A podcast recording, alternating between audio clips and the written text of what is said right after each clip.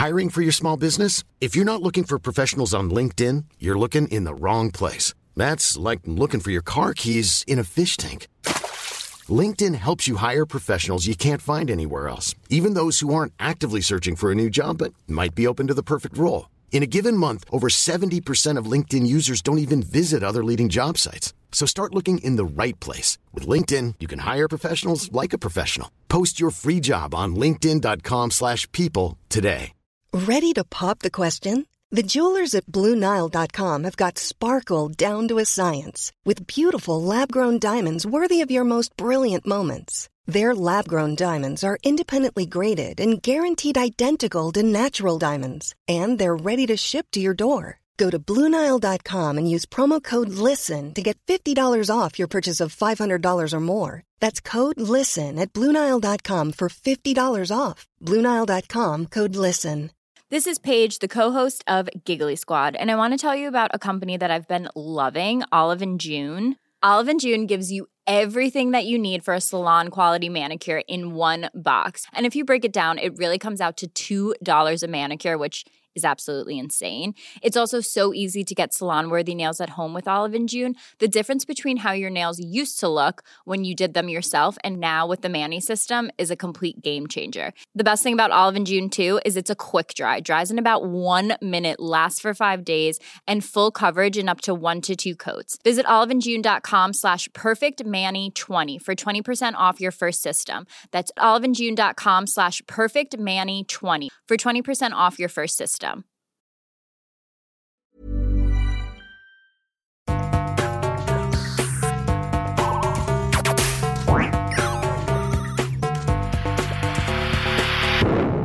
Velkommen til Sinnsyn. Jeg heter Sondre Risom Livre, er psykolog, og dette er Webpsykologens podkast. Hverdagspsykologi for fagfolk og folk flest.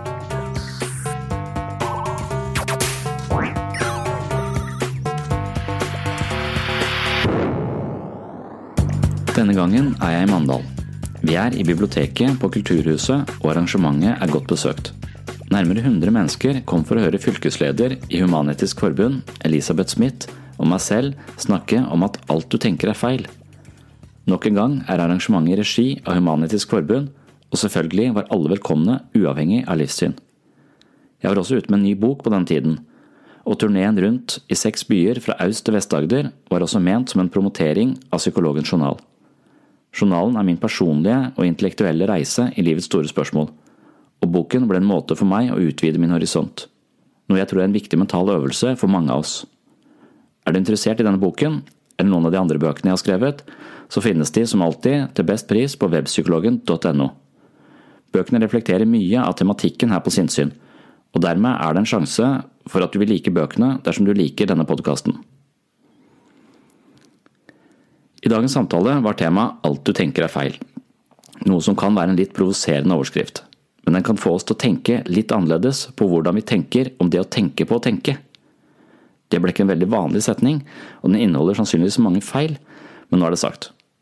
Tematikken er kjent fra sinnssyn i flere tidligere episoder, og det dreier seg om hvordan vårt psykiske maskineri fabrikkerer alle våre opplevelser av verden. Kanskje er det også slik at vi koder alt vi opplever via språket, og da er det avgjørende hvordan vi velger å formulere oss. En optimistisk formulering kan føre til en lettere sinnsstemning og kanskje et bedre utfall, mens en pessimistisk formulering kan skape mismot og maktesløshet som fører til apati og mangel på innsatsvilje i forhold til en forestående utfordring. Det er altså snakk om innsikten som ligger ved kjernen i kognitiv terapi. Det er måten vi tenker på og holdningene våre som i høy grad former livet vårt. Jeg så akkurat filmen som heter Arrival fra 2016. Den handler om lingvisten Louise Banks, som leder et eliteteam av etterforskere når gigantiske romfartøyer lander på tolv steder rundt om i verden. Det er uklart hva de utenomjordiske vesenene ønsker, eller hvorfor de har kommet, og usikkerheten skaper splid mellom ulike nasjoner, og jorden befinner seg etter hvert på randen av en global krig. Tiden er knapp når Louise må finne ut hvordan man kan kommunisere med gjestene fra verdensrommet. Her har vi en film hvor helten er en lingvist, altså en ekspert på språk, symbolikk og koder. Når man tenker seg om, er det nettopp evnen til å kommunisere som blir det avgjørende i møte med det ukjente. Kan vi forstå hverandre? Kle verden i et sett av symboler som skaper relasjon? Det er tematikken i Arrival, og i denne sammenhengen nevnes en interessant, men også omdiskutert, hypotese som kalles eh, den lingvistiske relativitetshypotesen, også kjent som eh, Sapir-Whorf-hypotesen. Den ble fremsatt eh, av den amerikanske antologen og språkforskeren Sapir i artikkelen Lingvistikkens status som vitenskap, og videreutviklet av Worf i artikkelen Vitenskap og språkvitenskap. Denne hypotesen hevder at språket spiller en svært viktig rolle i folks liv, ikke bare fordi det er en måte å kommunisere på, men det har innflytelse på folks atferd og deres tenkemåte. Med andre ord, folk som snakker forskjellige språk og dialekter, har en tendens til å se verden på forskjellige måter. Teorien går ut på at språket ikke bare påvirker hvordan folk kommuniserer med hverandre, men også hvordan personen med et bestemt språk visualiserer og samhandler med verden på et helt grunnleggende nivå.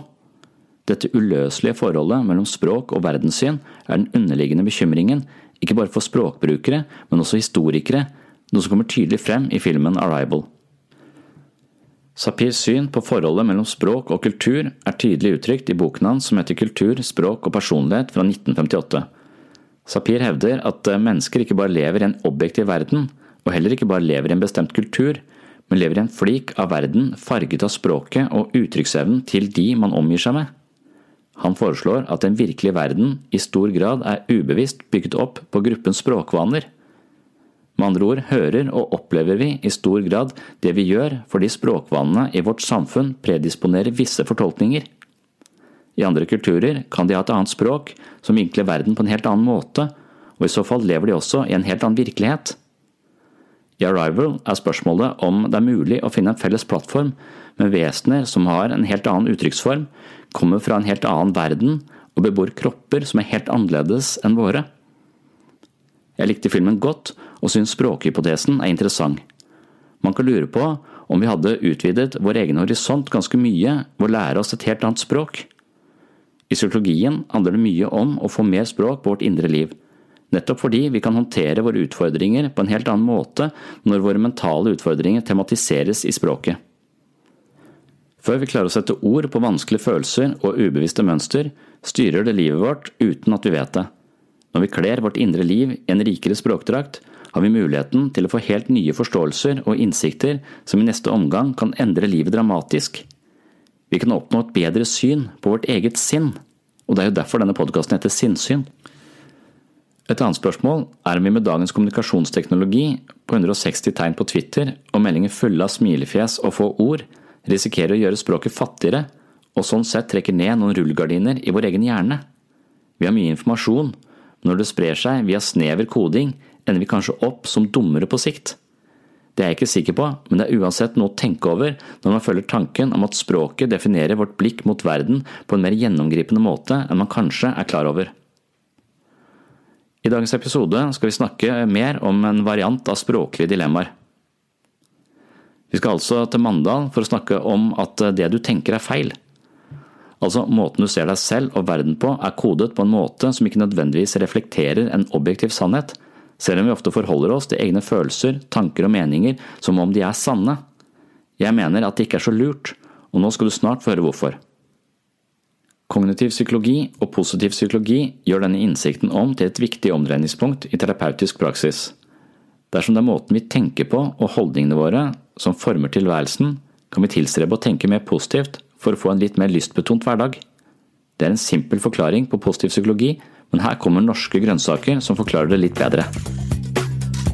Wow, it's so beautiful here. I love Norway. Yeah, no wonder it's the happiest country in the world. Yeah, how can you not be happy when you're living here? No, no, no. We're not the happiest country in the world. People don't smile at each other, they just look at their phones the whole time. And there's no good TV anymore. Oof, it's so bad. You, those problems don't seem that big. Yeah, those are tiny problems, man.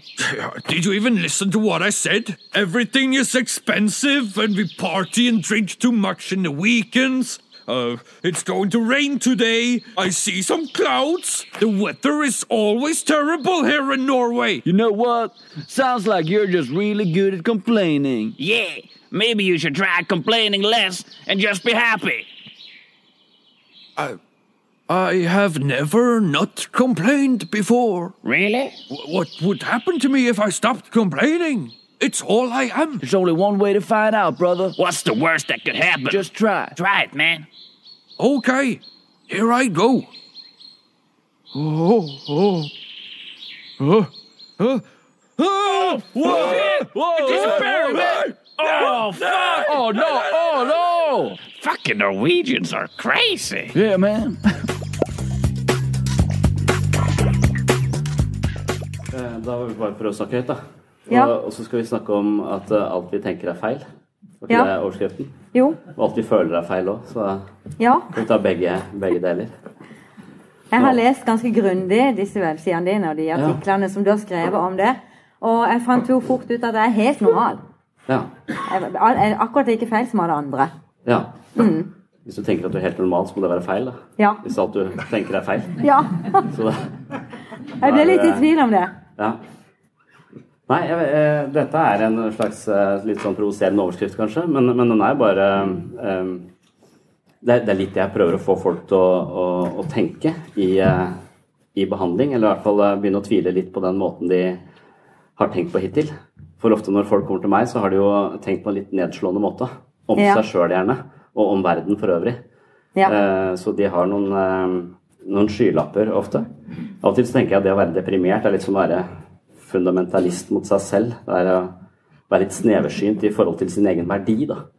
Mm. Så, så du har eh, ganske fastlåste tanker eh, om deg selv som er negative, noe som genererer ganske fastlåste negative følelser eh, om deg selv, og så blir livet ganske dystert. Så, men et utgangspunkt man kan ta for å snakke, snakke om det, er også eh, Descartes. eh, han tror jeg vi snakket om her i forrige uke også. Descartes er jo denne filosofen som sov lenge om morgenen. Han sto aldri, han sto ikke opp før klokka ett, har jeg lest. Litt sånn som en tenåring. Og så lå han og grubla over ting. Og en av de tingene han tenkte på, var jo at Hva hvis jeg har en demon i hodet mitt? Eh, som eh, forstyrrer alt jeg eh, oppfatter. Eh, og det tenkte såpass mye på, tenkte at jeg kan faktisk ikke være sikker. Det kan godt hende det er sånn at jeg har en demon i hodet mitt som, som forvrenger alt av mine opplevelser av meg selv og verden. Så til og med sånne, det jeg tenker på som fakta, som at to pluss to er fire, kan godt være fem for alt jeg vet, for denne demonen kan ligge der og forstyrre denne, eh, denne, eh, alle, alt det jeg mener å vite da, om noe, noe som helst.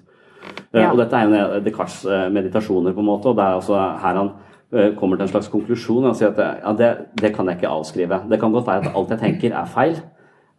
Men, og, og at alt jeg tenker er på en måte da forkrøpla av denne demonen. Men for at denne demonen skal ha noen å forkrøple, så må det være et subjekt her. Det må være en bevissthet som kan bli lurt. Eh, Så hvis jeg kan være et eneste, hvis jeg skal ta et utgangspunkt, så må jeg at jeg er et bevissthetsvesen som kan bli lurt. Eh, Og alt annet jeg tenker oppå det, det kan være løgn og fanteri. Men i utgangspunktet så må det være noen å lure. For det er ikke noe vits i for en demon å lure noe som ikke på en måte eksisterer. Eller skape noe for så å uh, lure det. Det vil være meningsløst. Så, så dermed så tenker jeg derfor er jeg. Uh, uh, men etterpå det så er jo Descartes den mest radikale tvileren vi har hatt gjennom eh, historien, tror jeg. Altså han, han tvilte på alt. Han vil starte helt, eh, helt på nytt. Ja. Eh, og, og etter hvert da, så, så har jo det vist seg å være litt sant. Alt vi føler er, eh, alt vi tenker er eh, til en viss grad feil. Og det er litt av det som psykologien også er fundamentert i. Eh, eh, og det er eh, det Freud eh, var opptatt av, det, Freud ble kjent for. Men også det Freud, som er som psykologiens far, da, hadde litt problemer med å komme må, må få gjennomslag for også. For det, eh, hans eh, påstand er at alt du opplever, er filtrert via nevrosene dine. Og det er alltid et ekko av ting du har opplevd tidligere. Så du må ikke regne med at det du opplever rundt deg selv og verden for øvrig, er sånn verden for øvrig er, eller du selv er. For dine opplevelser er alltid et privat produkt av dine egne nevroser. Eh, Så igjen, du, alt du føler er feil, eller kan potensielt sett være feil, da. Da blir det vanskelig. Eh, ja, ellers så blir det Hæ? Det er å finne ut av det. Hva, Ja. hvor, hvor finner man en slags sannhet, da? Det fins ikke noe som er sant. Um, Så, um, så, så da, og da handler det om sånn der litt sånn eh, råtten relativisme, kanskje, eh, eh, som, eh, som Trump kan utnytte. Eh, bare, så da er det bare en som skriker høyest, som får lov til å mm, si hva som er sant. Og Trump er et godt eksempel på det. Eller han, mm. han utnytter jo dette at ingenting er, sant, til å lage sin egen fantasiverden midt, midt i verden, på en måte. Ja. Og han har kjempegjennomslagskraft på det. Så jeg er ikke sånn veldig eh, fornøyd med denne postmoderne konklusjonen at det, ingenting er, eh, er sant. Men, men jeg tror ikke vi trenger å gå så langt. Jeg tror, eh, jeg tror ikke et, Det er kun i matematikk det finnes bevis for noe. Eh, og, Ja. og, og utover det så finnes det bare mer eller mindre godt belegg for å tro på ting. Eh, og, og det er nok den holdningen jeg er ute etter når det gjelder psykologi da, og vårt eget selvbilde og vår egen følelse for oss selv. At eh, ikke vær skråsikker på at du er sånn som du er. Ikke vær skråsikker. For, for mitt vedkommende så vil jo dette være da med mennesker som er skråsikre på at de er mindre verdt enn andre folk. Ja. Eh, og den konklusjonen er nødvendigvis ikke så god. Du, hvor godt belegg har du for å tro på det? Eh, og lønner det seg å tro på det? Hva ville eh, skje hvis du trodde noe annet? Eh, eller hvis du oppdaget at, eh, at alt det du tror om deg selv, egentlig er en slags eh, gjenfortelling av hva andre mennesker har fortalt deg opp igjennom? Sånn at du på en måte har hvem, hvem du tror du er, er sånn du har blitt speila eller fortalt av viktige andre personer at du er, og så har du trodd på det, og så har du tatt det som din egen si, selvfølelse eller selvbilde eller eh, og, og så videre, og så går du og tror eh, det om deg, om deg selv. Altså man definerer seg selv eh, på feil premiss. Ja, nesten og alltid, uansett, liksom. Eh, fordi at eh, Ja, Ja. det, det vil jeg si. Og jeg mener at det, det også da eh, være litt interessert i at eh, alt det vi tenker og føler til enhver tid, kan være eh, farget og misfarget av erfaringene våre. Det gjør at vi kanskje, før vi konkluderer med å tenke en gang til, og kanskje være litt mer opptatt av å finne litt bedre belegg for det vi eh, eh, foretar oss. Ikke på alle områder, men det er dette som er, selv, det er, dette som er terapi. da. Det handler jo om å observere sin egen måte å tenke og føle på, og undersøke stemmer den. Hvor tett på kan, kan, jeg, kan jeg forholde meg til dette? Kan jeg tro på dette? Eller kan det være at dette er, er eh, ideer jeg har fått fra andre som har behandla meg dårlig, f.eks.? Ja, som et eksempel jeg leste at eh, man tror at, man er, eh, at sjefen liker meg ikke.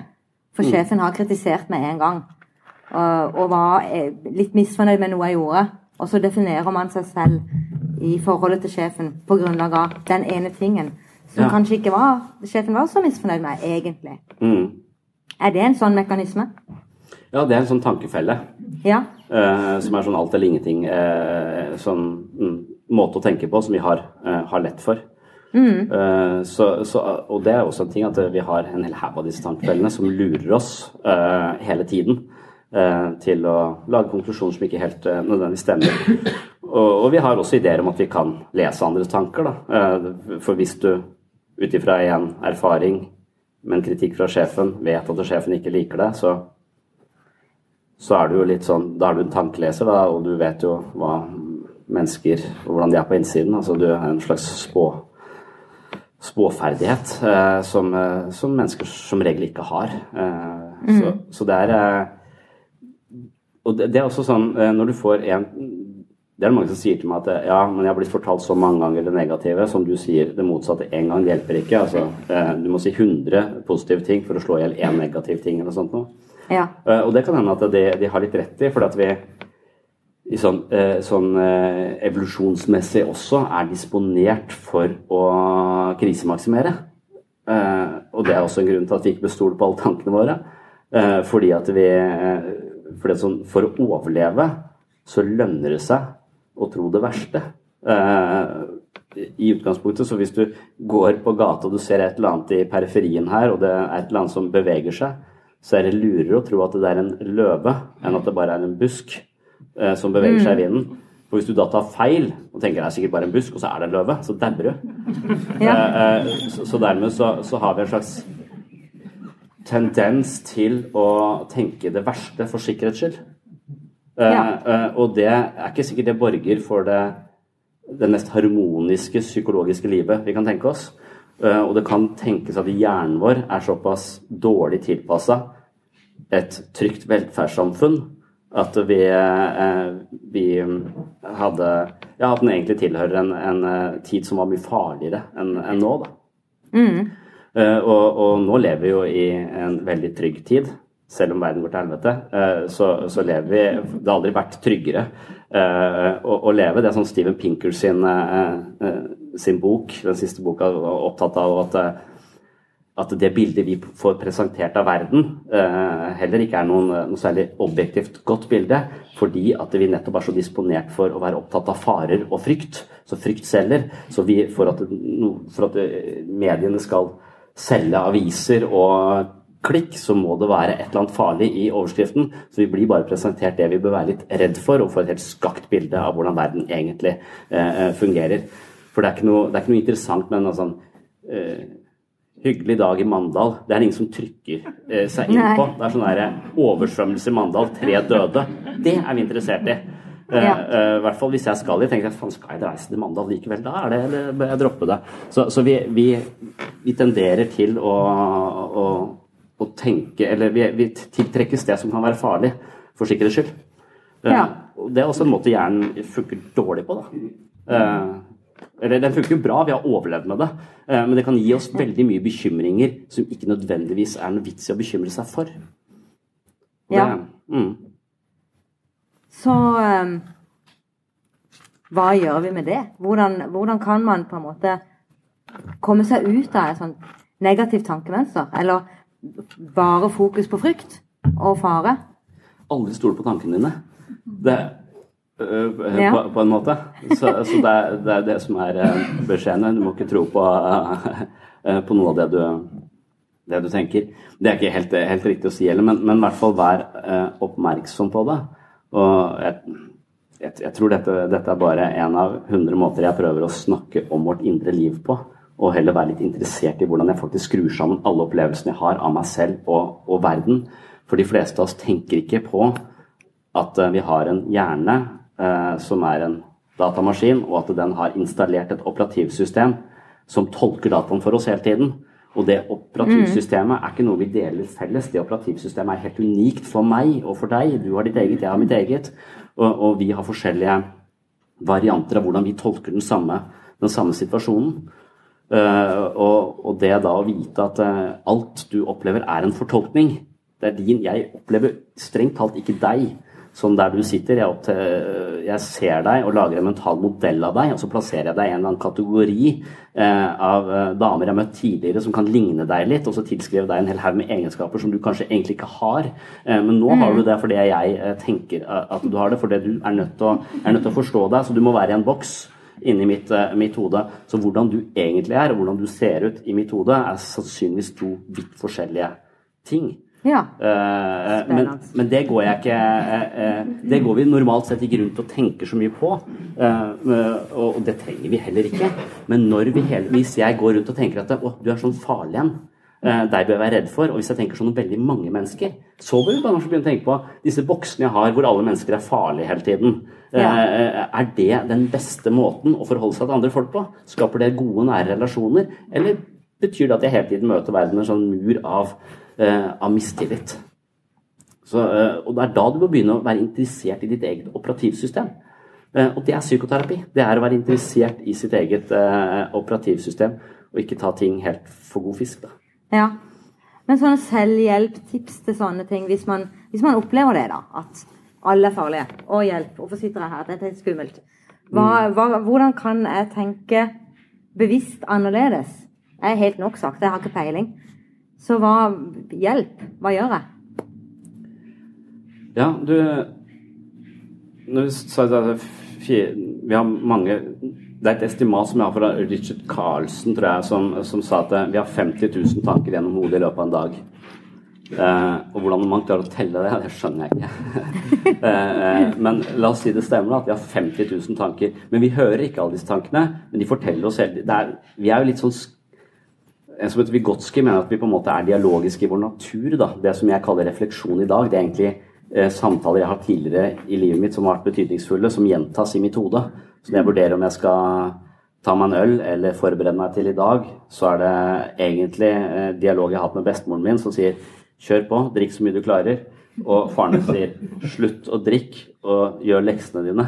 Eh, Ja. eh, Sånn at jeg har, de to stemmene har blitt de, de bor i meg. Det kalles av og til for objektrelasjoner. Og når jeg reflekterer over ting, så er det eh, ofte en, bare en gjentagelse av eh, gamle samtaler da, eh, som vi har.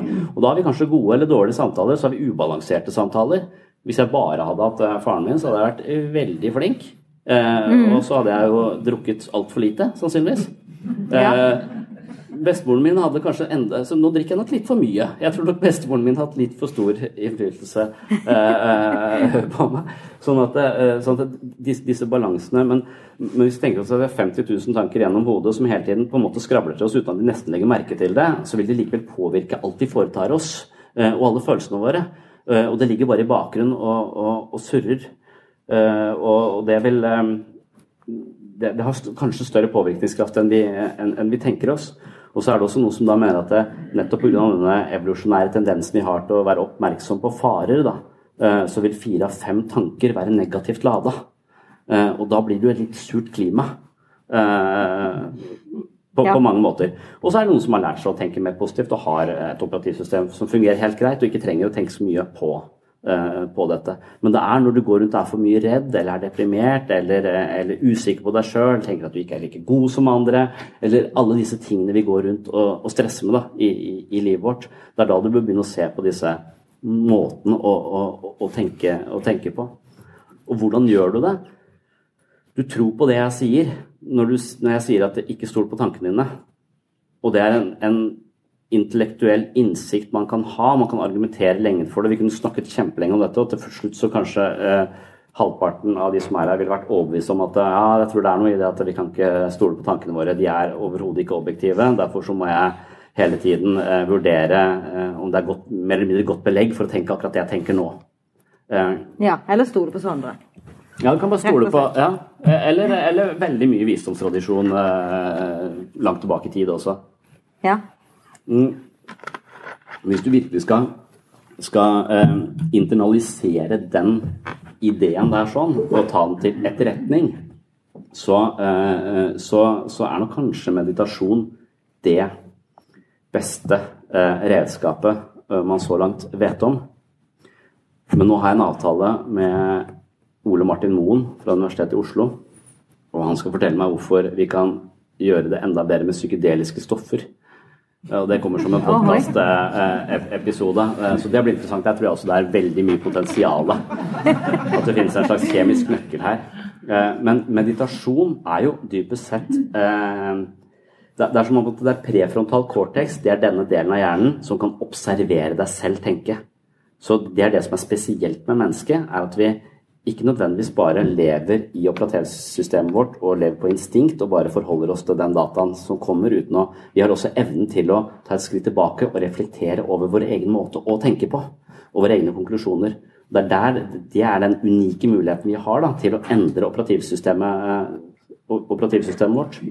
Eh, Men det krever metakognisjon. Det krever evnen til å tenke på sin egen tankegang. Eh, Og den Ja. har de fleste voksne mennesker, men det er noe som kan trenes opp. Så hvis du aldri tenker på din egen tankegang, så er du som å ikke bruke en muskel. Du er litt slapp i den måten å, å, å tenke på, men du kan bli, eh, bli bedre. Og hvis du da eh, hele tiden går på autopilot istedenfor og bare tror på tankene dine eh, hele tiden, og lar de føre deg inn i livet, og du hele tiden kommer inn i blindveier, så må du på et eller annet tidspunkt eh, enten begynne å ruse deg, ta masse narkotika for å prøve å slutte å tenke, eller så kan du begynne å tenke på hvordan du tenker, og, og, og hvordan du eh, reagerer i ulike situasjoner. Du kan begynne å observere deg selv, og idet du observerer deg selv, så kan du på en måte kanskje se ting du ikke så før. Så det er en, en treningsmetode rett og slett for hodet. Akkurat som eh, vi har treningstips for kropp og muskler og alt det der. Begynn forsiktig, og så øker du på etter hvert osv. Hva slags trenings- eh, eller øvelsesbank finnes? Ja, det er, Er det er der jeg tenker at mindfulness er noe av det beste. Ja. Eh, for, fordi at det, det, det, det jeg prøvde å si at det, hele dette maskineriet produserer opplevelser hele tiden. Eh, og det gjør det på bakgrunn av erfaringer fra tidligere. Mens denne delen her i hjernen, prefrontal cortex, den er den som på en måte kan observere resten av hjernen holde på og produsere alle disse opplevelsene. Og den kan også si Ja. stopp. det der, det der vil vi ikke ha, nå er vi dritleie av å drive og bekymre oss for det. Han mener, han mener noe om dette her. han kan mene noe om det, eh, Ja. men han er eh, svak. Eh, Så, så 95% av alt vi foretar oss, er styrt av ubevisste ting som vi ikke er klar over, som går forbi, som ikke den her er med på i det hele tatt. Og Det er Ja. også sånn overlevelsesperspektiv. Også. det å tenke seg om og reflektere over sine egne vurderinger, det er ikke hensiktsmessig i veldig mange situasjoner. F.eks. hvis du kjører på veien og det ligger et vogntog i, din fil i 80 km rett mot deg, så lønner det seg ikke å tenke seg så mye om. Eh, for at hvis du lønner, fant jeg, Der var jo litt ubeleilig. Bang, så er det dau. Eh, så, så, så da, har du ikke, da skal ikke prefrontal cortex inn og begynne å vurdere vurderingene. på en måte, Da skal du bare handle uten å tenke deg, eh, tenke deg om. Og Det er veldig mye det vi gjør. Vi handler uten å tenke oss om. Vi går på autopilot. Og det er tusenvis av valg vi skal ta i løpet av en dag, så vi må gå på autopilot. Og de autopilotene det er på en måte installert i oss på bakgrunn av hva folk har fortalt oss, på bakgrunn av tidligere erfaringer, på bakgrunn av biologiske disposisjoner eh, og en milliard faktorer, sannsynligvis, eh, eh, som spiller inn på dette. Men så lenge vi går på autopilot, og de autopilotene funker bra, så er det greit. Men en gang vi har dårlige autopiloter, som hele tiden tar oss inn i depresjon eller eh, for mye bekymring osv., så, videre, så bør vi begynne å tenke på det. Og hvis du da sitter og stirrer på ditt eget sinn, eller la oss si ditt eget ego, eh, som måtte er kjernen i deg, lenge nok, så skjønner du at ego er ikke noe annet enn et fortolkningsapparat. Ego, de, alle de ideene du har om hvem du er, hvordan du har blitt den du er osv., de er ikke nødvendigvis objektive. Tanker kommer og tanker går, følelser kommer og følelser går. Og du er ikke de følelsene, du er den som observerer deg selv føle. Og i denne posisjonen så kan du på en måte avsløre en del av disse eh, feilkoblingene. Og det handler om å hvile som en observatør til, til seg selv.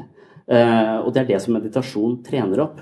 Og Idet du klarer å meditere, så trener du også opp denne delen av hjernen, og du kan hvile og se dette egoet. Og langsomt så avslører du at egoet mitt, det er som regel alltid en underskuddsposisjon. Egoet mitt føler seg litt forsmådd. De vil gjerne ha den beste parkeringsplassen, for hvis ikke så blir jeg sur. Eh, Og jeg vil gjerne ha, etter et arveoppgjør, så må jeg ha den vasen, for jeg har aldri følt meg elsket nok. Og hvis ikke jeg får den vasen, så kommer ikke dette regnskapet i balanse, og da, eh, da blir jeg dritforbanna. Så dette ego trenger noe fra omgivelsene for å føle seg hel. Og det er dette prosjektet ego hele tiden har, å komme seg til et nytt sted for å få det bedre, eller vinne den kampen osv. Det er livets kjas og mas, og det er her altså alle disse negative tankene eh, ko- kommer inn osv. Idet du stirrer lenge nok på det, så kan du avsløre denne livsfella som handler om hele tiden komme seg videre, og hele tiden du tenker negativt, eller alt dette ego spiller opp til, som er ganske slitsomt for oss. Og idet vi klarer å avsløre, eh, avsløre det, så er det noen som sier at det, det er som å våkne fra en drøm, da. Eh, hjernen vår kan jo lure oss til å tro at eh, vi er i krig når vi eh, drømmer. Altså vi drømmer forferdelige ting, og vi kan, når vi husker det, så er i drømmen så er det ikke sikkert vi er oppmerksom på at det er en drøm. Vi tror at dette, dette skjer. Spesielt som barn så har vi ofte den Ja. eh, opplevelsen. Og så våkner vi og tenker fju, heldigvis, det var bare hjernen min som lurte meg til å tro at virkeligheten var helt annerledes enn den egentlig er. Men så kan det være at den samme opplevelsen kan du få i våken tilstand, da, når du avslører dette ego eh, og, og skjønner at oi, jeg trodde at jeg var eh, mye dårligere enn alle andre, eh, og det har jeg trodd hele livet, og så viser det seg at det er kanskje ikke helt sant. Eh, Men nå som jeg har gått og trodd det hele livet, så er det sant. For jeg har jo alltid unngått alle utfordringer i livet mitt. Jeg har aldri tatt noe ansvar for mitt eget liv. Jeg har alltid bare trukket meg unna, for jeg har aldri trodd at jeg får ting til likevel. Så nå mangler jeg jo mengdetrening. Men egentlig så er jeg ikke dårligere enn alle andre. Jeg har bare oppført meg sånn fordi jeg har trodd det. Og dermed så, eh, så har jeg nå havnet i en ganske vanskelig posisjon hvor jeg innser at jeg faktisk har et mye høyere potensial enn det jeg egentlig har levd. Eh, Og hvis jeg skal leve det potensialet, så må jeg ta mye mer ansvar. Folk, eh, ansvar for mitt eget liv. Folk kommer til å regne med meg, og hele livet mitt kommer til å bli snudd på hodet. Og det virker dritskummelt, og du får masse angst, så det er best å bare la være. Ja. Det var jo oppløftende, tenker jeg. Det er sånn man ofte tenker. Det å forandre seg er kjempetungt, da. Ja. selv om det er til det positive. For det er så deilig å bare gå på auto, autopilot. Det å være bevisst sitt eget operativsystem, hvordan du gjør dette, det er slitsomt. Det krever at vi er bevisst uh, i mange av de valgene vi tar i løpet av en dag, i stedet for å bare la det gå. Uh, Ja. Det krever en aktiv innsats. Litt som å slutte å røyke. Ja, det kan være litt som å slutte å røyke. Eller, eller jeg var hos en fysioterapeut for litt siden og sa at vet du hva, du kommer til å få pukkelrygg. For at jeg sitter, sitter liksom foran PC-en sånn her, eh, og så skriver jeg veldig masse. Så jeg sitter, og så sitter jeg sånn, så klarer jeg ikke, så jeg må ha den holdningen der sånn. Så sier du er nødt til å begynne å reise deg opp, eh, opp sånn her. så ikke kommer du til å se ut som ringeren fra Notre-Dame innen du er 50, og nå er jeg 40. Eh, så er jeg ti år igjen da, som uten, uten pukkelrygg. Det er klart at det, da bør jeg reise meg opp. Ja. Eh, eh, men da må jeg tenke ja, det krever så ekstremt mye av meg. Selv om det høres enkelt ut, så glemmer jeg det hele forbanna tida.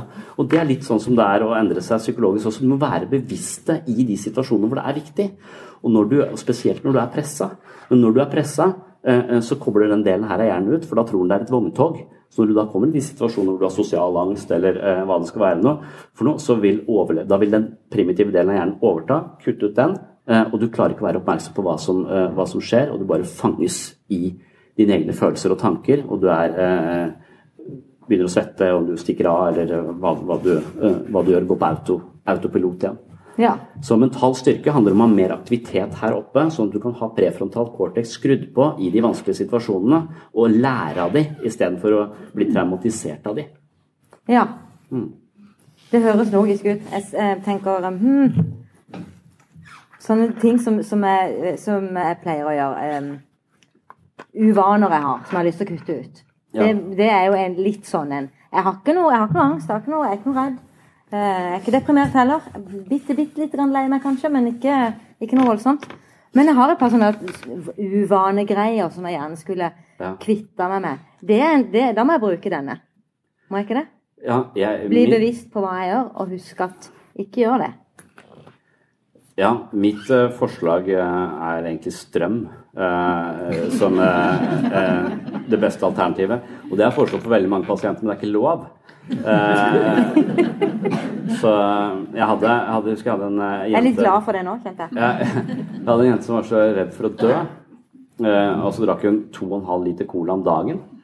Og så eh, var hun overvektig, og hele familien hadde også diabetes. eh, Så, så hun var livredd for livsstilssykdommer og det å dø. Men likevel så drakk hun 2,5 liter cola eh, om dagen.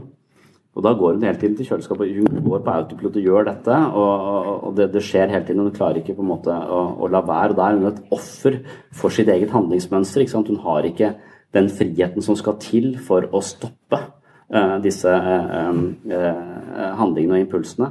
Eh, og, men jeg tror hvis jeg hadde gitt henne støt hver gang hun nærma seg kjøleskapet, så tror jeg kanskje hun hadde stoppa med det.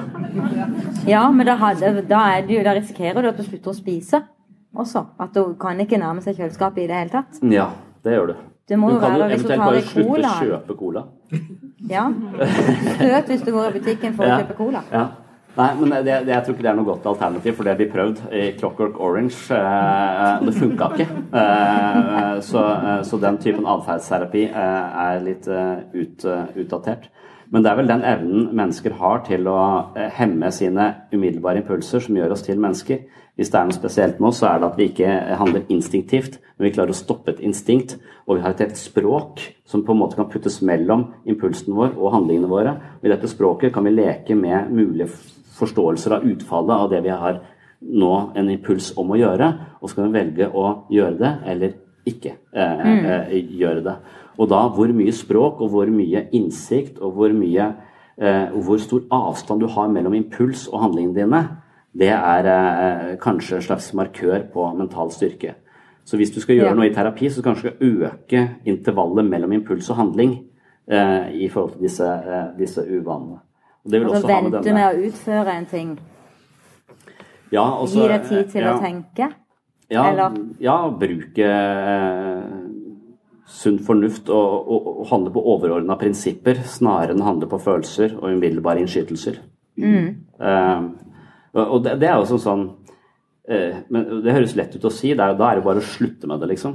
Eh, men, men hvis du virkelig vil slutte med en uvane, så, så Det er også et sånt tema vi har hatt på de andre eh, kveldene, at da kan du prøve å bruke viljestyrke, men det varer ca. i fem uker.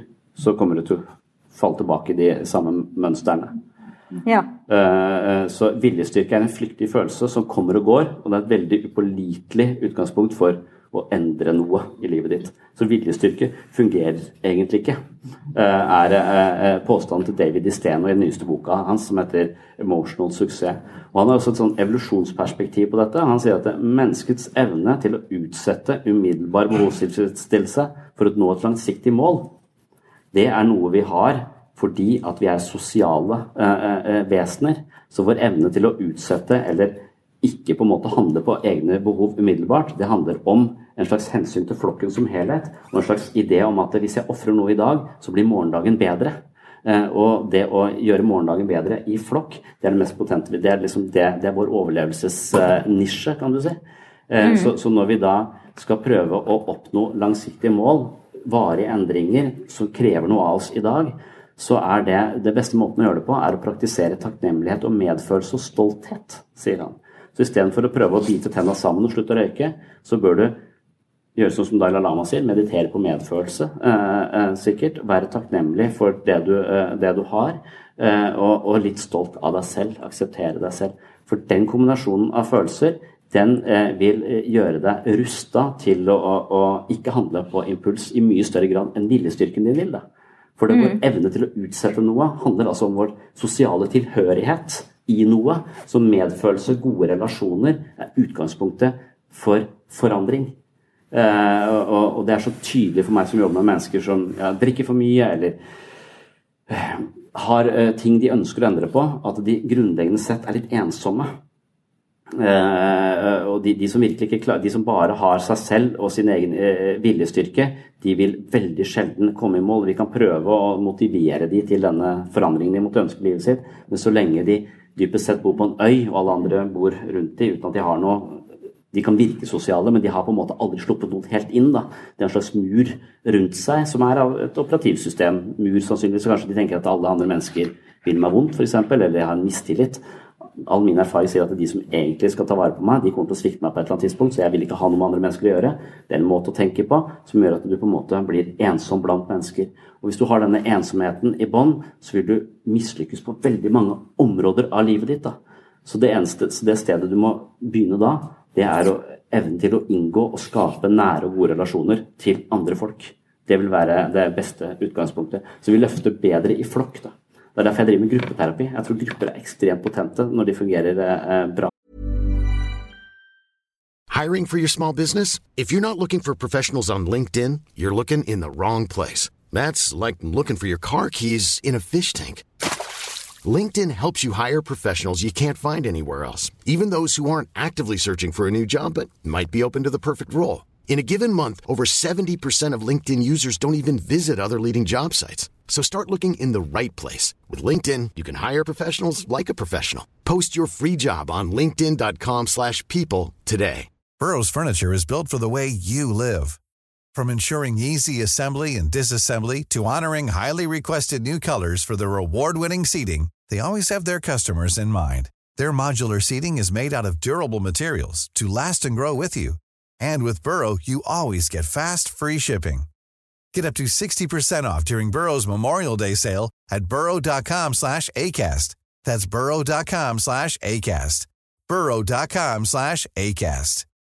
Hey, Dave. Yeah, Randy. Since we founded Bombus, we've always said our socks, underwear, and T-shirts are super soft. Any new ideas? Maybe sublimely soft. Or disgustingly cozy. Wait, what? I got it. Bombus Absurdly comfortable essentials for yourself and for those facing homelessness. Because one purchased equals one donated. Wow, did we just write an ad?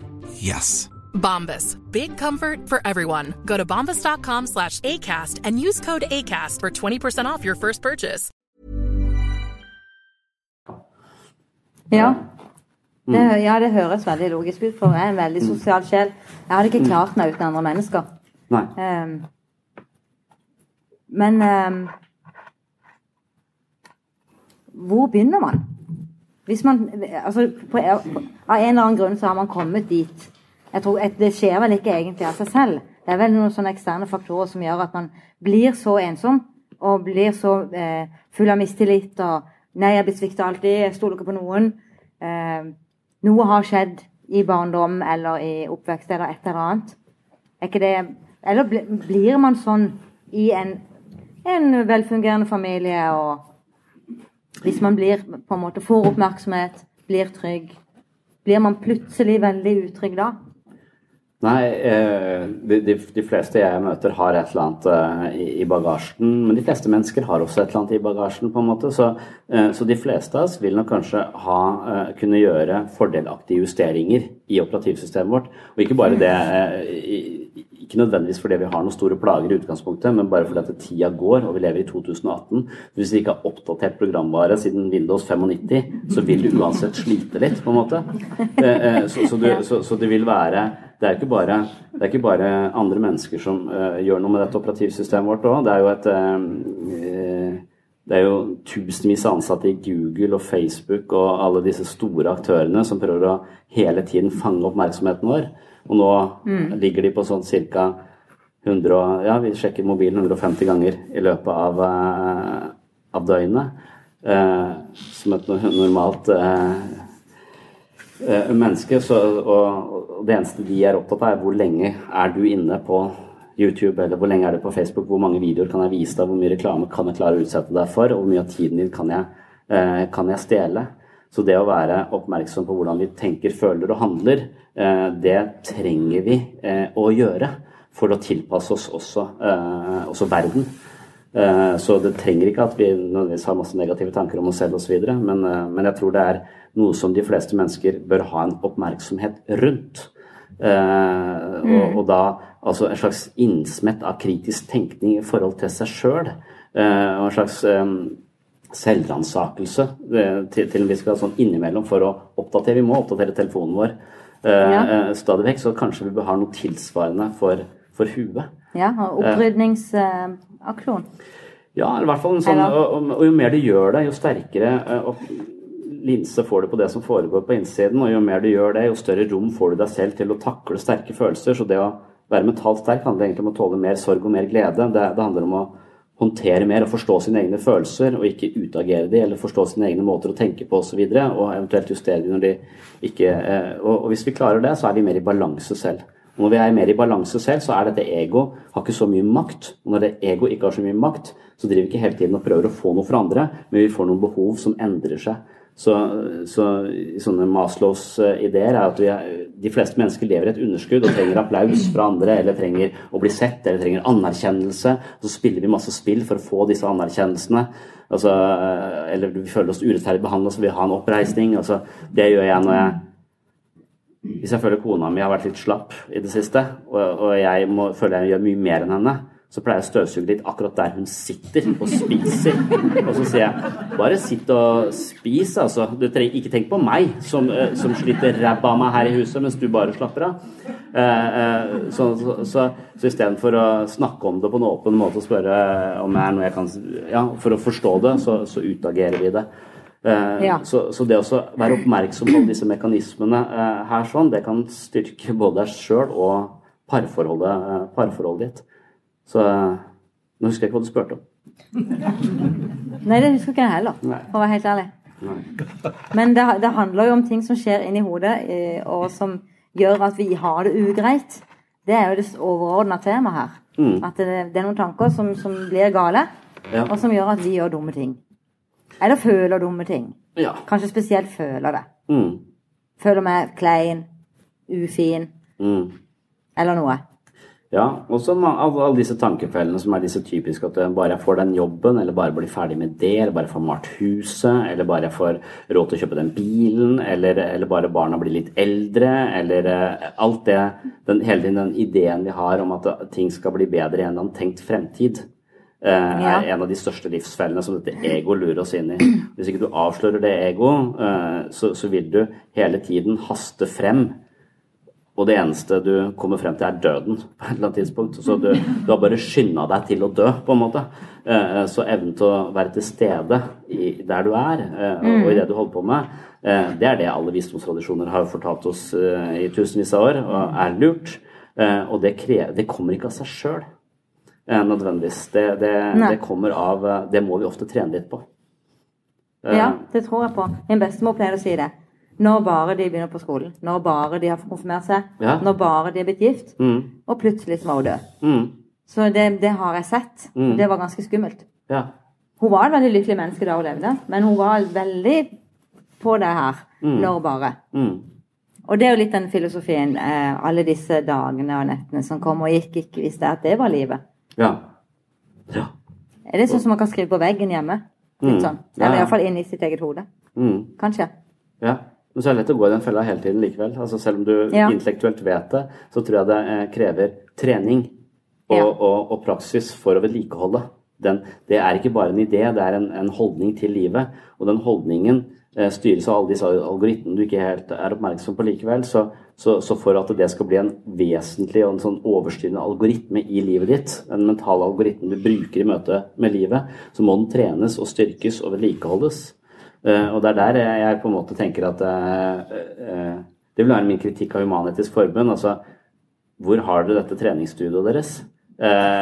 For det at kristendom har det i kirken. Altså, nå har mitt prosjekt de siste fem årene vært å være i en menighet og, og, og prøve å se verden fra, fra et religiøst ståsted. Og jeg har ikke klart å finne godt nok belegg for å tro at det fins noe utenomjordisk vesen.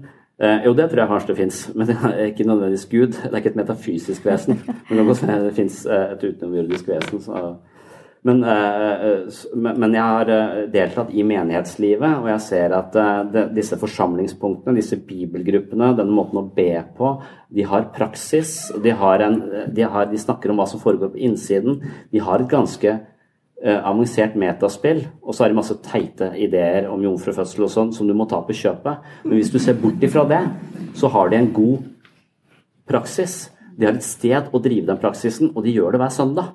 Hvis de eh, er aktive. Nå er det nesten ingen som er aktive i, Skandinavia, men, men sånn ellers så tror jeg kanskje at de har de, de, alle de store visdomstradisjonene vet, har, har en slags fornemmelse for at dette mentale eh, apparatet må vedlikeholdes. Og jeg tror bønn er en måte, jeg tror meditasjon er en måte. Eh, jeg tror en sånn eh, stille kontemplasjon, selvransakelse, lytte til de store fortellingene, lytte til eh, mytologi, eh, finne dybde i ting, eh, er en slags motvekt til Twitter og, og alt dette som bare eh, denne informasjonssamfunnet som går, hvor vi blir sånne overfladiske informasjonsbulimikere som bare tar til oss masse informasjon og mister, mister dybde, da. Ja. Eh, Så, så jeg syns jeg finner noe dypt, litt stille og verdifullt i religion som jeg er redd vi mister hvis vi bare kaster Gud ut med badevannet. Så jeg er av og til villig til å ha med Gud på lasset, bare for å beholde denne praksisen, eller på en måte ta utgangspunkt i den, være sånn kulturkristen, da, og fortsette å gå i disse eh, eh, menighetene, men ikke føle at jeg får minuspoeng hvis jeg syns at eh, homofili er greit.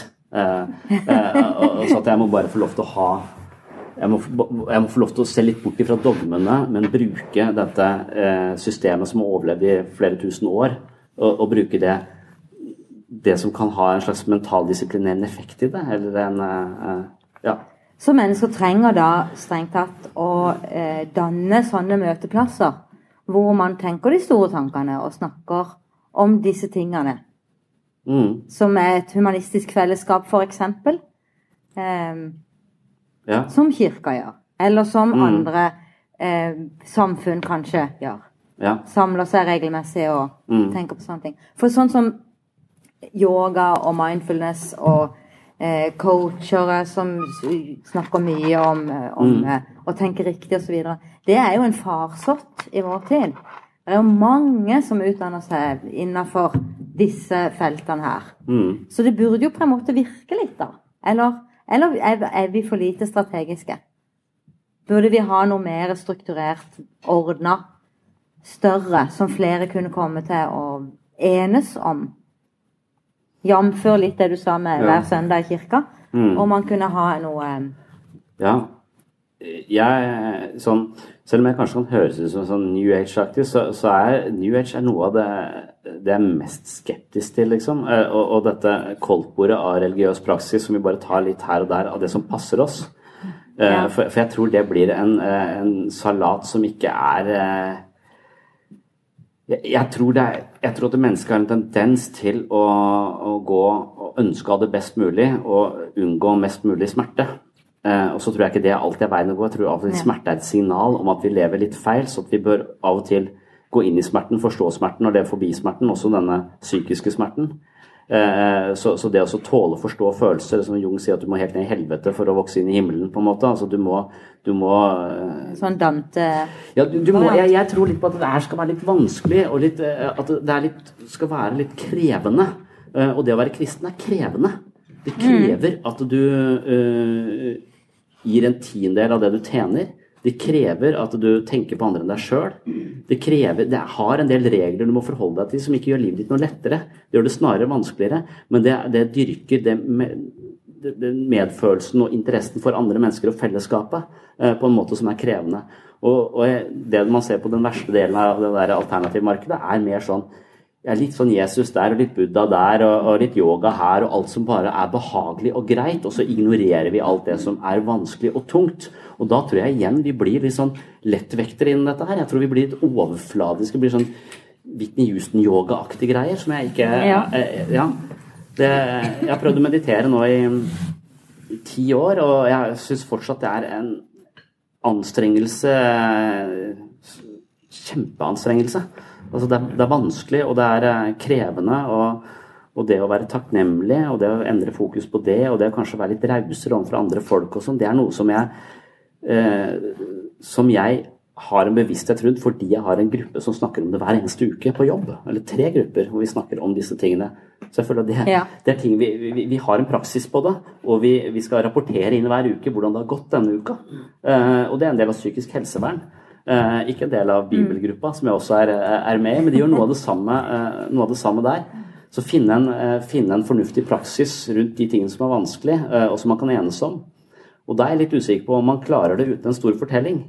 Det er det som er eh, det store spørsmålet mitt. er Altså, så lenge du har en stor fortelling som samler oss i bånd, altså vi har en, vi har en sånn felles forankring i kristendommen f.eks., eh, så er det en slags eh, fellesmenneskelighet der vi møtes på en måte i et eller annet Mm. grunnleggende operativsystem, noen felles verdier som gjør oss litt like. Eh, mens hvis vi kaster de store fortellingene ut, så er vi bare eh, så er det mer algoritmene til Netflix og, eh, og YouTube som, eh, som er med på å danne ditt verdigrunnlag, på en måte, og vi blir bare, vi har helt forskjellig verdigrunnlag. Og det er ikke sikkert det er så lett å enes om noe eh, da. Og det er ikke sikkert at kristenverdier er så bra. Det kan godt være at det hadde vært like bra å lese Dostojevskij og, og, og sett på moral og etikk eh, i det, men det er ikke noe kapell som driver og forkynner Dostojevskij hver eh, søndag, så vidt jeg vet. Så dermed så er ikke det heller. Så, vi, så tilfeldig litteratur og sånn Det er masse bra litteratur som sannsynligvis er mer dannende enn Bibelen. Eh, men den mangler praksis, da. Eh, og hvis vi bare leser litt forskjellig, så kan det være at vi flytter litt fra hverandre. Så ideen er vel kanskje at vi har et felles forankringspunkt, så vil vi hate folk som har et annet forankringspunkt, og prøve å drepe de. Men hvis vi ikke har noe felles forankringspunkt, så, så vil vi heller ikke ha noe fellesskap og kanskje forvitre litt fra innsiden på en eller annen måte. Da. Eh, så, så, så det, sånn, det lurer jeg litt på om vi trenger om vi trenger store, om vi trenger sånn felles fortelling, da, og om Human-Etisk Forbund har tenkt å skrive en som vi, som vi kan, eh, kan bruke. Ja, det, det var jo en utfordring. Skal vi se om vi kan ta den, kanskje? Ehm, men er dette altså dette med kognitiv styrke og kognitiv trening eh, Så trener denne her eh, tingen som du snakker om, som lå her foran. Jeg husker ikke hva det het. Prefrontal cortex. Ja. Mm. Eh, kan man gjøre det helt alene? Kan, kan jeg helt på egen hånd, uten å måtte gå i kirka eller på møte i eh, HEF eller noe sted, bare praktisere det helt selv? Er det mulig? Ja, det er jo mulig. Det, det handler bare om å være litt nysgjerrig. Altså eh, være nysgjerrig innover. Mm. Uh, og ikke bare gå på autopilot utover. Men det er veldig få som har tid til det. For de fleste skal hente i barnehagen, skal de lage middag, skal de på fotballtrening. Uh, og så må de på foreldremøte etter det. Så det å tenke innover, det er ikke noe som man har så veldig masse tid til, egentlig. Uh, det er akkurat som man har, sannsynligvis ikke har så mye tid til å gå på helsestudio. Men det hender at folk faktisk klarer å sette av tid til helsestudio. Men dette er et mer diffust prosjekt, ikke sant? Det er mye mer diffust ja. og og vanskeligere håndgripelig. Det er derfor vi i ukentlige samtaler med pasienter, jeg har 20 pasienter sitter i en gruppe, eh, og, og, og så diskuterer vi hvordan kan vi sette dette prosjektet ut i, i praksis. Hva funker, hva funker ikke, hva, hva, kan, vi, hva kan vi gjøre. Og, og hver gang så har vi en ny idé, vi har en ny teori, og den bruker vi da. eh, og så prøver vi å finne øvelser vi kan sette den ut i, ut i praksis. Ja. Og Det er også de to bøkene jeg har skrevet om det, så der er det jo 50 øvelser du kan bruke. ja. Kan du nevne noen av de sånn, som er enkelt å forstå? Enkelte å bitte litt sånn startøvelse eller to. Men det er ikke noe quick fix. eh, eh, så, så, så Nei, det- jeg skulle man bare blir begynne litt forsiktig. Ja, man blir alltid litt sånn uh, skuffa over sånne eh, over sånne øvelser. Eh, men, eh, men, men for meg så, så fungerer det bare fordi at eh, en eller annen idé jeg har hatt fra en eller annen filosof eller psykolog eller et eller annet jeg har lest, har på en måte eh, skapt en slags interesse for hvordan jeg fungerer på den måten, og så husker jeg på det i den uka som er, for jeg skal rapportere det inn til den gruppa neste Mm. uke. Hvordan, hvordan har dette her eh, fungert hos deg? Og, og en av de tingene som har vært eh, den store, eh, eller den, store prosjektet i mitt liv har jo vært dette også å møte mennesker som tenker helt annerledes enn meg selv. Eh, og det, det er et selvhjelpstips, for det leste jeg hos eh, han, Det tror jeg leste i Svette Small Stuff and It's All Small Stuff. hvor det sto at gå inn i en forsamling og lat som om alle andre er opplyste, bortsett fra du. Og så tenker jeg hvilken forsamling skal jeg gå i da? Jo, jeg skal gå i menigheten. Fordi jeg har hatt en tendens til å være sånn rasshølateist og synes at alle som tror på Gud, er dumme. Eh, eh, eh, og, og, og det var en fase i livet mitt, sånn type ungdomsfase, som varte litt lenge. Eh, Den varte helt til jeg ble gift. Så det var kona mi som da sa på et tidspunkt at eh, vet du hva, du har forbud, du får ikke lov til å snakke om religion i noen sosiale settinger overhodet hvor jeg er. Eh, eh, og da tenkte jeg at dette er ikke en, en av mine beste, eh, beste sider. Eh, Så, så dette er et, eh, et dårlig trekk eh, jeg har. Det er en del av operativ, så det er et eller annet viktig for meg der. For jeg var så ampert innstilt til det. Og hvorfor er det så? Alt det du reagerer kraftig på, kan du f.eks. være litt interessert i og finne ut av. Hvorfor reagerer jeg så, så kraftig på, på akkurat det? Eh, og, og enhver konflikt du er i, kan lære deg ganske, uh, ganske mye. Uh, det kan du, også gå, du, kan, du kan tenke at enhver situasjon du møter i livet ditt, er der for å lære deg noe. Hvis du, hvis du begynner å tenke, hvis det er holdningen din til enhver ting som skjer i, i, i livet ditt, så, så du, eh, blir du nødt til å tenke på en annen måte. Da jeg kjører hjem nå, og så, og så ligger jeg bak en sinke, eh, eh, på en måte, og så får jeg lyst til å kjøre over vedkommende. Eh, eh, eh, og så begynner hjertet mitt å slå fort. Han aner ikke noe om dette. Eh, han vet ikke at han forårsaker mitt hjerteinfarkt. Så, og, og da kan man si hva, hva, hva kan jeg lære av denne situasjonen? Er dette en av de situasjonene hvor du skal lære om tålmodighet, f.eks.? Eh, er dette en av de situasjonene hvor du skal huske på at, eh, at eh, det er kun du som kan gjøre deg selv sint? Hvorfor i helvete gjør du det i denne situasjonen her, her sånn? Altså, Ja. Det handler kanskje om å ha språk, ha, kjenne til noen av disse øvelsene og være oppmerksom. Det handler bare om å være oppmerksom til stede i livet sitt. Eh, Det handler om det når du er i parforhold, å skjønne når du driter deg ut, og når du er en idiot. Eh, Og, der er vi inne på disse Mye av den artikkelen handlet om forsvarsmekanismer til en viss grad også.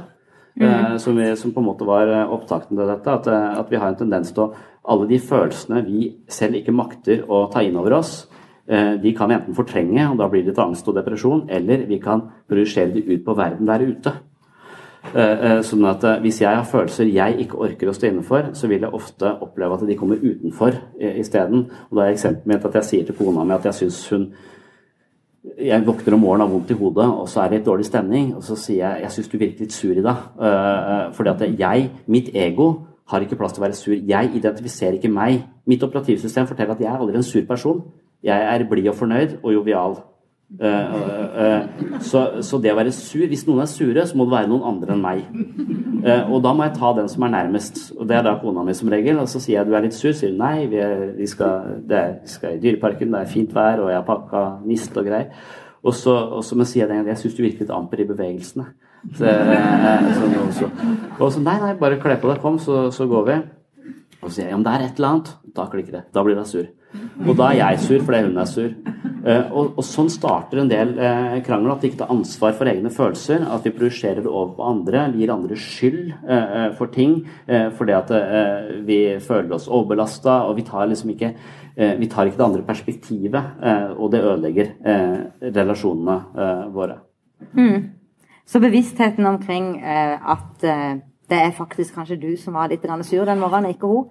Eh, at du greier å tenke det før du sier noe til henne, Ja. kunne avverga mye ugreit. Ja, det er, det er enhver en- konflikt du er i, eh, eh, er i utgangspunktet både deg og den andre. Mm -hmm. og det er, det er ikke så veldig ofte at det bare er den andre. Det er bare en sjøl som kan gjøre noe med en sjøl. Ja, du, regelen er vel sånn hvis du går ut en morgen og så møter du en drittsekk, så er det, kan det hende det er en drittsekk. Hvis du går ut i morgenen og møter tre drittsekker, så er du drittsekken. Eh, eh, så, Ja. så det er også sånn du kan eh, Da må du begynne å undersøke, eh, undersøke dette. Ja. Men En annen ting som jeg bruker mye i, i livet mitt, det har jeg fra kristendom og eller ikke, Jeg har det fra mytologi. da, Jeg har det fra Joseph Campbell. Og så, begynne å se på, eh, på alle de historiene som fortelles om det å leve et liv. Og så, og så, og så se på at alle, alle de store fortellingene forteller noe om å leve liv i fortetta form. liksom Som drømmene forteller oss noe på en liksom dramatisk vis. da, så, så når jeg ser på det, så handler det mye om å egentlig møte eh, frykten sin, og ikke hele tiden vike unna. Og ikke vike unna smerte. Ta de konfrontasjonene. Være mer ærlig, være mer oppriktig. Ikke lyve bare for at det gjør situasjonen litt bedre her og nå, og jeg sårer ikke den andre. Altså våge eh, eh, mer oppriktighet, og våge å ikke gå den minste motstands vei hele tiden, som er det letteste. Eh, og, og det er litt sånn jeg, jeg prøver i mitt eget liv, eh, så langt det lar seg gjøre, å ikke alltid gå minste motstands vei. Og, og, og ser litt for meg da at det eh, de kampene jeg da har, er eh, de, de dramatiseres i skrekkfilmer og sånn, som monstre du møter, og, eller i norske folkeeventyr som troll som bor i fjellet. Men trollet dør hvis du finner navnet på trollet, eller hvis du tar trollet fram i lyset osv. Og, så og det gjør det litt sånn i mitt eget liv. Det syns jeg også er en, en grei måte å gjøre det på. Så når jeg skal i situasjoner som jeg syns er ubehagelig, så ser jeg litt for meg at jeg er Odyssevs i mitt eget liv. og Så reiser jeg inn på Nav, og så, jeg, uh, og så er det liksom det stedet hvor Skylla og Karibdi står på hver sin side. Sjuhoda monster osv. Og, så og så ser jeg for meg at det er det jeg driver med der, og det er skummelt. Eh, Men det hadde ikke blitt noen god historie hvis jeg ikke hadde gått dit. eh, på en måte. Hvis eh, Odysseus bare ble værende i Itaka, så hadde ikke vi hatt noe å fortelle om. Så det er livet, det er å møte disse vanskelige situasjonene. Og hvis jeg da gjør det litt spenstige med å dramatisere det litt i mitt eget hode, ut ifra fortellinger jeg har med meg fra ulike steder, så, eh, så kan jeg forholde meg til dette. Så da blir jeg litt sånn helt i mitt eget liv når jeg går på Nav, for det syns jeg er skummelt å være. Eh, Nav er den det meste i kø, og eh, eh, forskjellige saksbehandlere, og jeg skal ha pappapenger, jeg glemt å fylle ut det skjemaet, ja. Det det eh, det er et helvete, rett og slett. Det, Men du bruker en sånn type teknikk for å møte den, altså for å gjennomføre dette likevel. Så hvis man, hvis man klarer å gjøre én sånn liten ting hver dag, så Mm. kan man kanskje bli litt og litt og litt flinkere. Litt sånn, Hvis du tar 15 situps om dagen, så blir du jo Mm. sterk i magemusklene etter hvert. Ja. Ikke kanskje etter første uka eller etter andre, Ja. men hele livet det, så blir du stadig sterkere. ja. Og kan stadig ta flere. Og det samme, det samme mekanismen som skjer i hodet, er det ikke det? Jo, en av de mekanismene som skjer i hodet der, er at vi unngår eh, dette ubehaget, og vi unngår spesielt det vi er redd for. Eh, og, og når vi unngår eh, ting, spesielt psykisk smerte, så er det i flukten fra smerten at lidelsen kronifiseres, på en måte. Mhm. Så veldig mange mennesker bruker veldig mye energi på å unngå de situasjonene de syns er ubehagelige.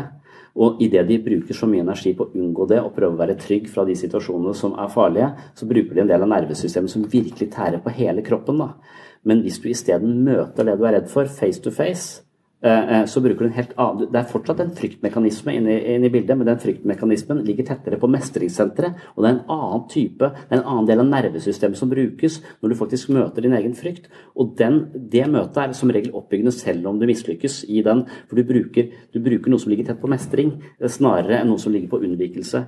Så det er den unnvikelsen fra smerten som, som virkelig skader, øh, øh, skader oss. da. Eh, Og, det å forstå frykt, ikke som et tegn på at du er på feil sted og burde vært et annet sted og komme deg unna, men et tegn på at eh, kanskje du er i bevegelse, kanskje du er i en situasjon som er utfordrende, og du kan, eh, kan ta den utfordringen. Du risikerer å drite deg ut. Du risikerer at folk syns du er liksom, Det er en del risikofaktorer her, men du våger likevel å møte, å møte det. Da kan du koble inn denne Odyssevs i deg selv og være bevisst at det, Men hva pleier jeg å gjøre? Jeg pleier å unngå dette her. Burde jeg nå kanskje kanskje møte det med bevissthet. Men da må du ha den her skrudd på, så du møter den sånn langsomt. Hvis du bare møter og biter tennene sammen og blir livredd i situasjonen og den her skrur av, så blir du traumatisert av det. Da blir disse sosiale treningene, hvis det er sosial angst du har, så blir, vil du bare få mer av det. Det blir bare verre. Du må være bevisst at du er Odyssevs ute på reise, og han hadde ikke lett. Eh, og det er ikke lett å leve heller, men det er det som gjør livet verdt å leve ofte. Så, så det er det som livet, gjør livet spennende. Da. Mens veldig mange som jeg møter, er så redde at de tør ikke eh, å leve, og de prøver å leve minst mulig. De prøver å stå mest mulig stille og lage minst mulig bevegelse eh, og friksjon i livet sitt fordi det eh, oppleves ubehagelig, og hele nervesystemet deres er i helspenn hele tiden. Så når de kommer til meg, så sier jeg at du skal på en måte møte frykten din. Eh, du skal få mer angst. på en måte, Du skal møte det du er redd for. Selv om jeg har hatt angst hele livet, jeg kan ikke ha mer angst nå. Eh, og, så, og så vil de helst, helst la være. Men det er ofte da at de har brukt så mye energi på å flytte fra det de er redd for, eh, som er hovedproblemet Og med sånne små å flykte fra det du er redd for, det er, det er rett og slett å Det kan være hvite løgner, f.eks., som vi snakker om i Farsund i morgen, tror jeg. Ja, ja, hvor, hvor bare det å ikke fortelle sannheten, på en måte, ikke være et oppriktig eh, menneske, gjør denne situasjonen litt lettere nå. Men etter hvert som du lever litt her og litt der, så blir det veldig mye å holde styr på, og, og, og, så videre, og så blir du litt redd for å gå ut der, så litt redd for Så, så det er sånne små forsømmelser i livet vårt hvor vi ikke på en måte er bevisste, men bare kommer oss litt lett unna.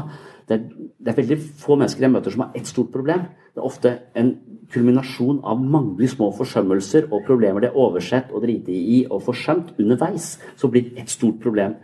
Og Da er det vanskelig å sortere i hva er egentlig dette problemet. Det er måten du har levd på nå, denne unnvikelsen din i ditt eget liv, som har skapt dette eh, store problemet som du havna i psykisk helsevern for.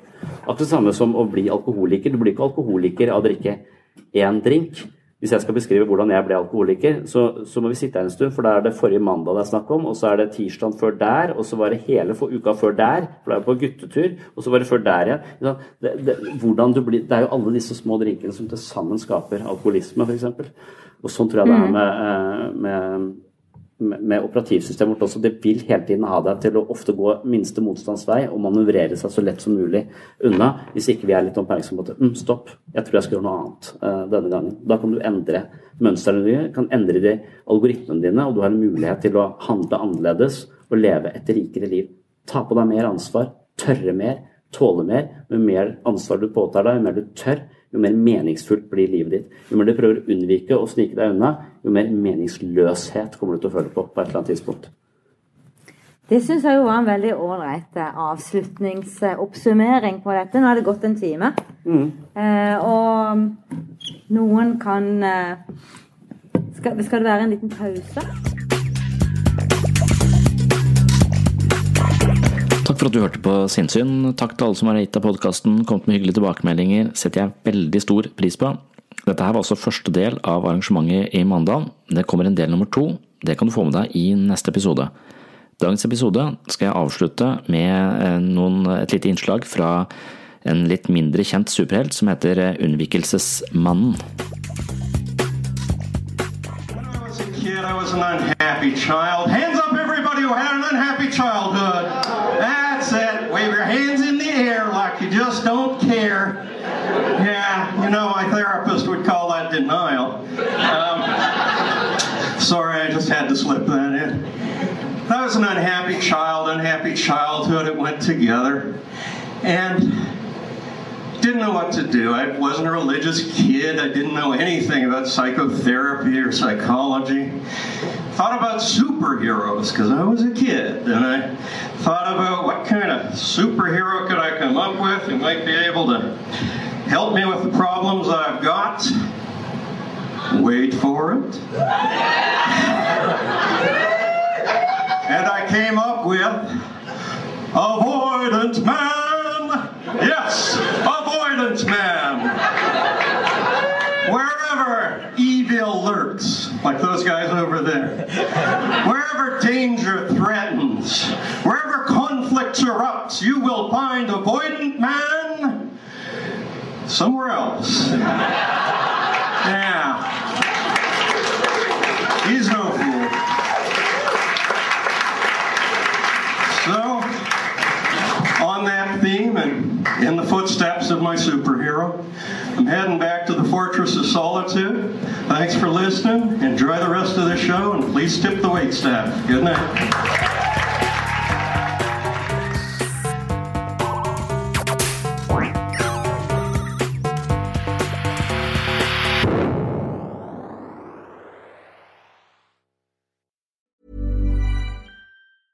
Cool fact a crocodile can't stick out its tongue. Also, you can get health insurance for a month or just under a year in some states. United Healthcare short term insurance plans, underwritten by Golden Rule Insurance Company, offer flexible, budget friendly coverage for you. Learn more at uh1.com. Planning for your next trip? Elevate your travel style with Quince. Quince has all the jet setting essentials you'll want for your next getaway, like European linen, premium luggage options, buttery soft Italian leather bags, and so much more. And it's all priced at 50 to 80% less than similar brands. Plus, Quince only works with factories that use safe and ethical manufacturing practices. Pack your bags with high-quality essentials you'll be wearing for vacations to come with Quince. Go to quince.com slash trip for free shipping and 365-day returns.